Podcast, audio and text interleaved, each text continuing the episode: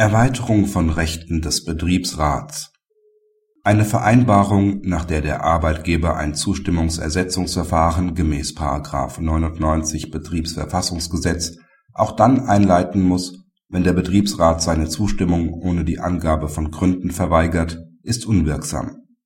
Arbeitgeber und Betriebsrat treffen anlässlich einer umfänglichen Umstrukturierung der bestehenden Vergütungsstrukturen eine Regelung hinsichtlich der Anhörung zur Eingruppierung gemäß § 99 Betriebsverfassungsgesetz. Hierzu schließen die Betriebspartner eine Regelungsabrede, die vorsieht, dass sich die gesetzliche Stellungnahmefrist von einer Woche auf sechs Monate verlängert, um dem Betriebsrat eine sachgerechte Überprüfung der einzelnen Eingruppierungen zu ermöglichen.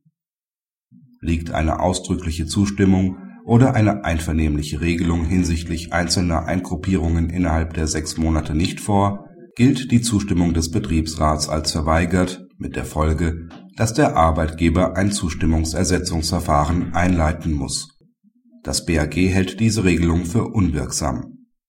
Der Arbeitgeber ist demnach nicht verpflichtet, nach Ablauf der einvernehmlich verlängerten Anhörungsfrist ein Zustimmungsersetzungsverfahren einzuleiten Entgegen den Bestimmungen der Regelungsabrede gilt die Zustimmung des Betriebsrats nach Ablauf der Sechsmonatsfrist gemäß § 99 Absatz 3 Satz 2 Betriebsverfassungsgesetz als erteilt.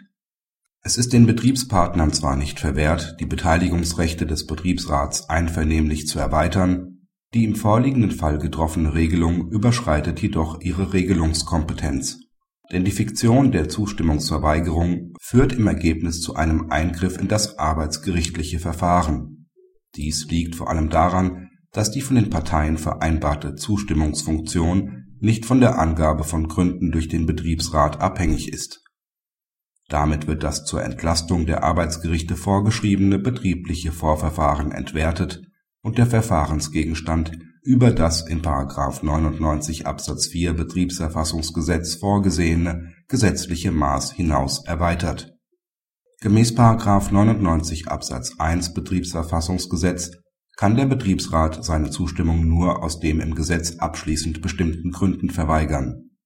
Eine Begründung, die keinen der gesetzlichen Verweigerungsgründe in Bezug nimmt, ist unbeachtlich diese gesetzliche Konzeption wird durch die Bestimmungen der Regelungsabrede in unzulässiger Weise verändert, da die gerichtliche Prüfung der vom Betriebsrat geltend gemachten Zustimmungsverweigerungsgründe damit praktisch entfällt.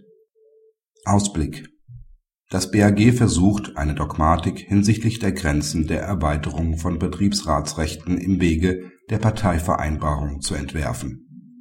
Abschließend sind die in der vorliegenden Entscheidung entwickelten Ansätze sicher nicht Aufgrund der Besonderheiten des Zustimmungsersetzungsverfahrens nach § 99 Betriebsverfassungsgesetz ist eine Übertragung auf andere Sachverhalte indes nur schwer möglich